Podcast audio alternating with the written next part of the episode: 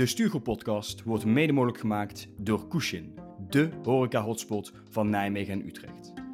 Je kunt niet alleen bij de fysieke locaties van Kushin terecht voor een heerlijk bakje koffie, maar je kunt jouw koffiebonen of cups ook thuis laten bezorgen. Zo ben je ook tijdens het thuiswerken verzekerd van goede koffie. Ga nu naar kushin.nl, K-U-S-H-I-N.nl en krijg 10% korting op jouw koffie met de code de stuurgroep 10.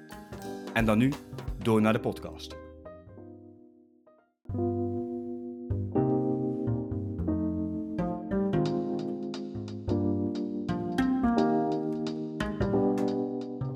Dit is aflevering 58 van de Stuurgroep podcast.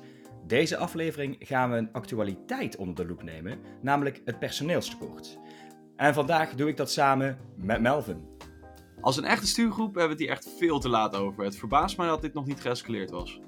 Ook al is Colin er vandaag niet bij, wij hebben niet echt een tijdelijk personeeltekort. Want ja, ook met z'n tweeën houden we vandaag gewoon alles draaiend. Al kunnen natuurlijk open sollicitaties na deze aflevering altijd naar ons verstuurd worden.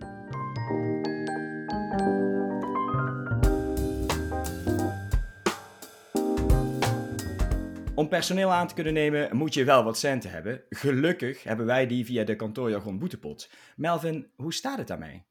Ja, met geld ligt het nooit binnen de stuurgroep. Want de kantoorjargon boetepot wordt aangevuld met een euro als één van ons kantoorjargon gebruikt. En wat wij allemaal onder kantoorjargon verstaan, dat is te vinden op de website www.destuurgroep.nl. Dat betekent dus, wanneer wij iemand in zijn of haar kracht zetten, we allereerst een klap voor onze kop verdienen en daarna ook nog een euro moeten betalen aan de kantoorjargon boetepot. Dat is correct. Aflevering 57 was een uh, duet van jou en mij. En waarbij we de marketing- en communicatiecollega's onder de loep namen. Ja, en toen heb je mij ook wel een klein beetje in mijn kracht gezet. Dus dat, dat, dat, dat, mo dat moest, ook wel, dat moest ook wel fout gaan. Maar uh, ja, dat deden we dus uh, maar liefst 14 keer. Niet alleen vorige week was ik de groot aandeelhouder, maar ook inmiddels de koploper voor de kwartaalbokaal. Dat is toch wel een leuke secundaire arbeidsvoorwaarde bij de stuurgroep. Maar goed, terug naar de feiten. De totaalstand komt na die 14 keer van vorige week nu uit op 59 euro. En nogmaals, koploper is ondergetekende. Wauw, je hebt gewoon de bolletjes trui van me overgepakt. Dat, ja, het, het, gemixte gevoelens heb ik. Gemixte gevoelens. Ja, ik ben een uh, wielerliefhebber, dus sinds jij bent begonnen over wielertruien, dacht ik, ja, die wil ik ook hebben. Dus ja, dan gaat het echt volledig de verkeerde kant op. Maar goed. heb je dan nog uh, meer mooie pareltjes gehoord, of nog erger zelf gebruikt? Nog erger zelf gebruikt. Want ja, ik zat schijnbaar gewoon lekker in. Uh... Nou ja, goed. De term het vier-ogen-principe kwam voorbij. En uh, we hebben het natuurlijk wel eens gehad, en nou mag ik ze even gebruiken als voorbeeld.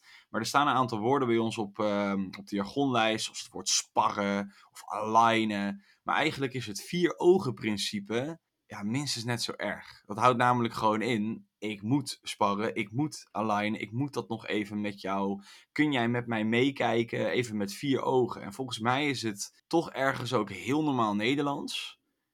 Alleen, nee. ja, in de kantoorcontext, nee. ja, nou ja, oordeel zelf, Koen. Ja, dit is gewoon, kun je met me meekijken, toch? Is het vier ogen principe. Nou, het is weer een mooi, uh, mooi staaltje jargon, vind ik zelf. Dank. het, is, het is trouwens het vier ogen principe is uh, langzaam ook wel een luxe te worden. Want je moet wel vier ogen beschikbaar hebben. En met het personeelstekort is dat lang niet altijd meer aan de orde. En dat is de actualiteit die we vandaag gaan bespreken. Dat personeelstekort.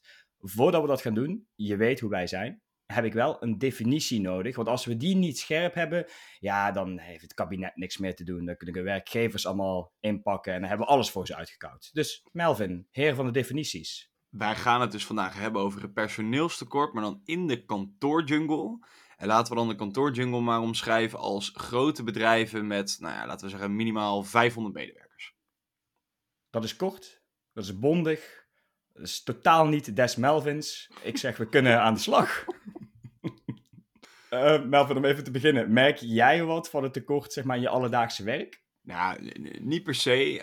Um, maar ik denk dat er voor een aantal mensen echt wel, dat die het wel merken, omdat zij. Kijk, wat je in deze tijd meer moet doen, is nog iets beter omkijken naar je medewerkers. Laten we eerlijk zijn. Um, op dit moment ligt een beetje de macht bij de medewerker. Want ja, er zijn aanbiedingen genoeg van andere bedrijven. Ja. Uh, dus als jij op dit moment niet, niet bepaald goed omgaat met je medewerkers en die zijn het zat. Of ze willen zich verder ontwikkelen en daar kun je als bedrijf niet aan voldoen. Dan gaan ze eerder weg dan dat ze misschien in het verleden zouden doen. Eigenlijk zou dat dus niks bijzonders moeten zijn, want hier zou je ten alle tijde al op moeten letten. En ik heb gelukkig zelf nog niet meegemaakt dat, uh, dat we nu ja, uh, mensen vertrekken omdat ze een mooie aanbieding hebben gekregen van een ander bedrijf of iets dergelijks. Maar je hoort het natuurlijk wel ja, om je heen, los nog even van het nieuws en dergelijke. Je hoort wel verhalen voorbij komen. Ja, de, ja klopt. Ik zit zelf dan, nou, sinds gisteren heb ik een andere baan. Maar ik zat dus hiervoor drie jaar in softwareontwikkeling. En exact wat jij omschrijft. Mensen die weggaan omdat ze gewoon een aanbieding uh, elders krijgen.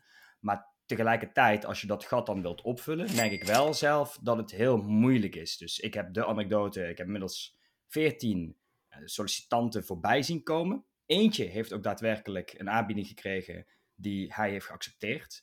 Maar voor de rest, ja, heel eerlijk, het is geen geweldig percentage om nou over te babbelen. Dus ik merk in die zin wel binnen specifieke beroepsgroepen binnen, binnen het bedrijf dat het lastig is om ze te vinden hoor. Dat daar ook echt een tekort aan is en je tekort gewoon niet krijgt opgevuld op welke manier dan ook. Ja, want dat is, want dat is wel een terechtpunt wat jij zegt. Ik focus me meer natuurlijk op hè, joh, de medewerkers ook daadwerkelijk nog voor je behouden en dat ze tevreden blijven bij zodat ze niet gaan. Maar je hebt natuurlijk ook nog van, joh, ik, ik heb iemand nodig. Ja, en dan ga je echt gewoon een doolhof in volgens mij. Want wat jij ook zegt, 14 zei je? Ja, en dat valt nog best mee dan, denk ik. Want ik heb ook collega's die aan de lopende band nu gewoon alleen maar sollicitanten spreken. Om te kijken om maar wat binnen te halen. Ja, het is, het, ja. Ja, en dan is natuurlijk ook nog weer het gevaar dat je, uh, hoe zeg je dat? Ja, genoegen met, met minder gaat nemen, laat maar zeggen. En dat bedoel ik niet op een hele verkeerde manier, maar meer als uh, dat je dus, nou ja, het is niet helemaal wat ik zocht, maar goed, ik heb iemand nodig, dus laat maar beginnen. En dat is natuurlijk vaak ook wel een beetje het begin van het einde. Klopt. Maar dan ben ik eigenlijk wel benieuwd, hè, want nou ja, die, die in dit geval die developer aan jouw kant, uh, 14, 14 sollicitaties, of 14 interviews eigenlijk gehad. Merk jij ook echt dat er dus een tekort is? Voel jij hem ook echt in het team, in de werkzaamheden, in, in alles daaromheen? Ja, kijk, je, je, je merkt het zeg maar op, op twee dingen, merk je het echt. En dat is aan, aan de ene kant vertragen zaken gewoon. Je zit gewoon met minder mensen, dus je krijgt minder opgeleverd. Zo, zo simpel is uh, de rekensom wel in dit geval. Dus, dus je ziet gewoon dat bepaalde planningen niet gehaald worden.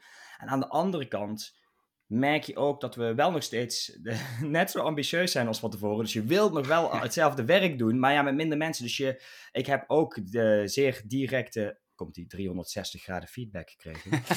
dat, dat ik ook wel wat te streng ben geweest, te veel mijn zin er doorheen heb gedrukt. En dat dat gewoon niet kan met het aantal mensen wat we hebben.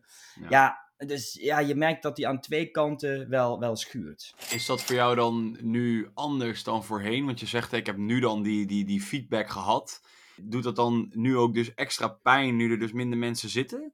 Ja, dat denk ik wel. Dus uh, ik denk dat ik zelf daar dus beter op moet letten. En uh, tegelijkertijd denk ik dat dat je hiervoor minder rekening mee hoeft te houden, omdat je gewoon op een, ja, een volwaardige bezetting zat. Dus dan, dan, kon je ook wel meer dingen verwachten. En dat kan nu gewoon niet. Ja, het is, let, het is letterlijk, er zitten minder mensen, dus er kan ook minder werk gedaan worden. Ja, zo, zo simpel is het nou helaas. En ja, dat is voor mij af en toe ook moeilijk om te accepteren. Ja, nee, ja eens. En als je dan graag uh, vooruit wil, dan uh, wordt dat natuurlijk wel lastiger. Ja, en ik, en ik denk dat dat ook wel een belangrijke is. Hè? Want als jij een team hebt wat hetzelfde uh, werk moet blijven doen in de komende periode, dan heb je eigenlijk te doen met misschien iemand vervangen of iemand die vertrekt dan opvangen. Alleen ik denk dat het op dit moment wel een hele moeilijke tijd is om echt groots uit te breiden in je organisatie of heel groots je afdeling te reorganiseren of iets dergelijks. Want ja, dan is het gewoon echt een drama, denk ik, om dat goed slagend te krijgen. Want als je dan ineens zegt, joh, ik, um, er moeten een aantal eh, functies worden nou ja, overbodig, maar ik moet ook twintig nieuwe mensen werven nou, dan wens ik je met die 20 wel een heel groot stukje succes. Want ik denk niet dat, dat, dat dit de juiste tijd is om dit te doen. Zeker niet als je ook nog eens een keer al die Champions League kwalificaties uh, over die vacatures heen wil gooien. kun je even deze zeven assessments invullen. Kun je ook nog uh, je drie Olympische medailles uh, overleggen.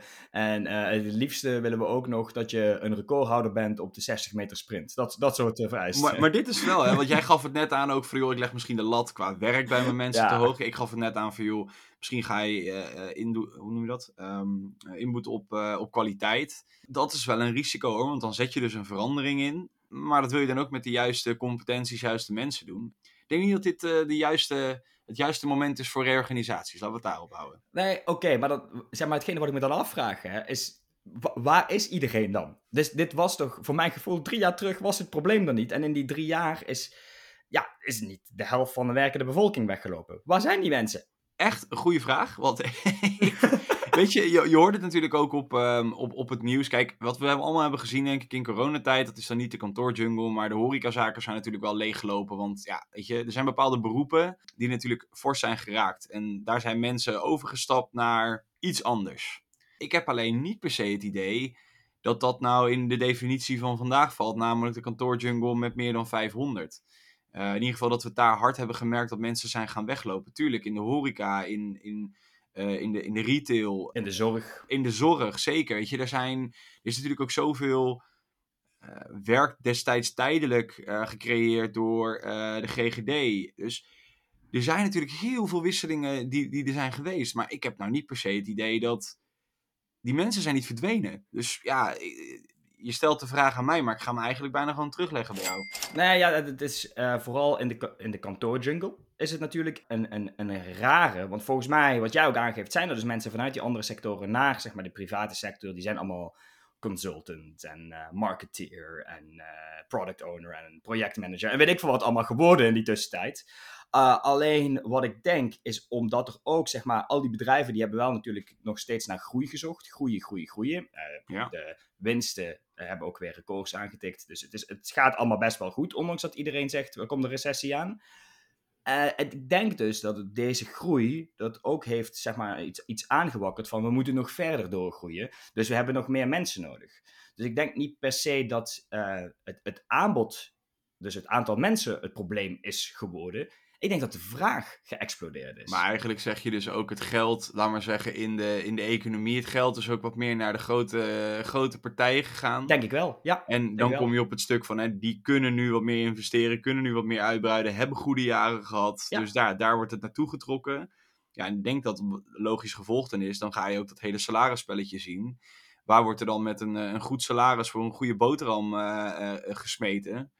Ja, dan kunnen we denk ik ook wel stellen dat de kantoorjungle daar niet uh, heel slecht in is. Ten opzichte van, met alle respect, de sectoren die we net noemden. Nee, klopt. Maar ook binnen dus die kantoorjungle, binnen die grote bedrijven, hebben ze alsnog die tekorten. Want ze, iedereen moet zeg maar mee in, in dat circus van salaris omhoog. Maar eh, de vraag is als collectief naar mensen zo gestegen dat ja, die mensen zijn er niet opeens bij geproduceerd. Nee, ja, eens. Maar dat brengt me er ook wel tot de vraag of het dan wel... Is het in de kantoorjungle echt een probleem? Want je kan je natuurlijk ook afvragen of het niet gewoon een kwestie is van wat jij net zei. Hè, er is eigenlijk, we zijn gegroeid, er is geld over, we kunnen weer gaan uitbreiden. Voelen we het echt? Want bij obers en verpleegkundigen is het veel sneller zichtbaar natuurlijk dan bij die marketeers en consultants die ja. jij net allemaal aanhalen. Ja, klopt. Kijk, ik ben ook van mening dat we het niet echt voelen. Wat ik net aangaf, ik merk wel dat wij vertraging hebben op plannen en dat de werkdruk uh, omhoog gaat bij mensen. Dat, dat, is, dat is duidelijk. Maar merken we het echt? Is het echt een probleem? Nee, ik denk het niet. Ik denk dat je een groot probleem hebt met een tekort aan verpleegkundigen.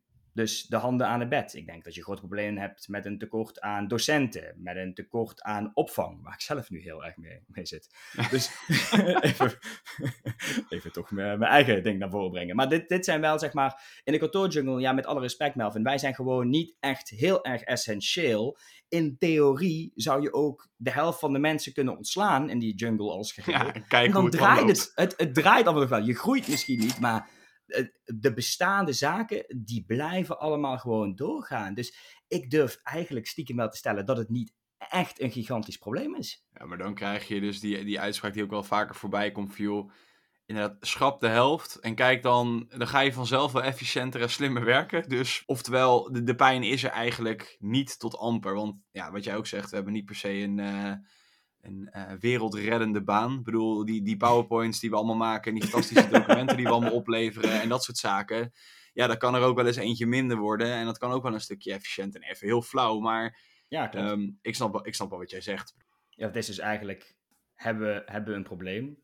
Niet echt. We hebben een soort van luxueus probleem. We willen nog meer. We willen nog verder groeien. En daarvoor willen, hebben we nog meer mensen nodig. En dat, ja, dat, dat lukt nu even niet ja, ik vind het een beetje krom om te stellen dat we echt een probleem hebben qua personeelstekort in de kantoorjungle. Want als je kijkt naar de sectoren die echt een personeelstekort hebben, waar je als maatschappij echt wat van voelt, ja, dat mag je een probleem noemen. Dat is absoluut een probleem. Maar al die kantoorbanen die niet opgevuld kunnen worden, ja, weet je, dat is leuk als dat erbij zou komen, maar dat is nou niet echt om een samenleving draaiende te houden noodzakelijk. Eens. Eens, eens, eens. Melvin, uh, ik, ik laat wel een klein beetje een oplossing natuurlijk doorschemeren. Met uh, flikker de helft van de mensen eruit. Dat is misschien iets, iets, iets bot. Dat is, uh, de vorige aflevering heb ik iets soortgelijks gedaan. En daar heb ik ook feedback op gekregen. ja, ik ben mensen, de mensen, of de mensen met hooivorken nog steeds voor je deur staan. Of dat dat inmiddels beter is geworden. Ik uh, zit inmiddels uh, in zo'n beschermprogramma van de politie. Ik ben ondergedoken. Ik zit vanuit mijn bunker dit op te nemen. Dus daarom zou ik graag willen dat uh, jij nu met een iets politiek correctere oplossing komt om deze aflevering goed af te sluiten. Nou, laat ik een, laat ik een poging gaan wagen. We hebben het net natuurlijk al een beetje gehad over. dus dus binnen het werk wat er gedaan wordt in de kantoorjungle, daar valt echt nog wel wat efficiënter mee om te gaan.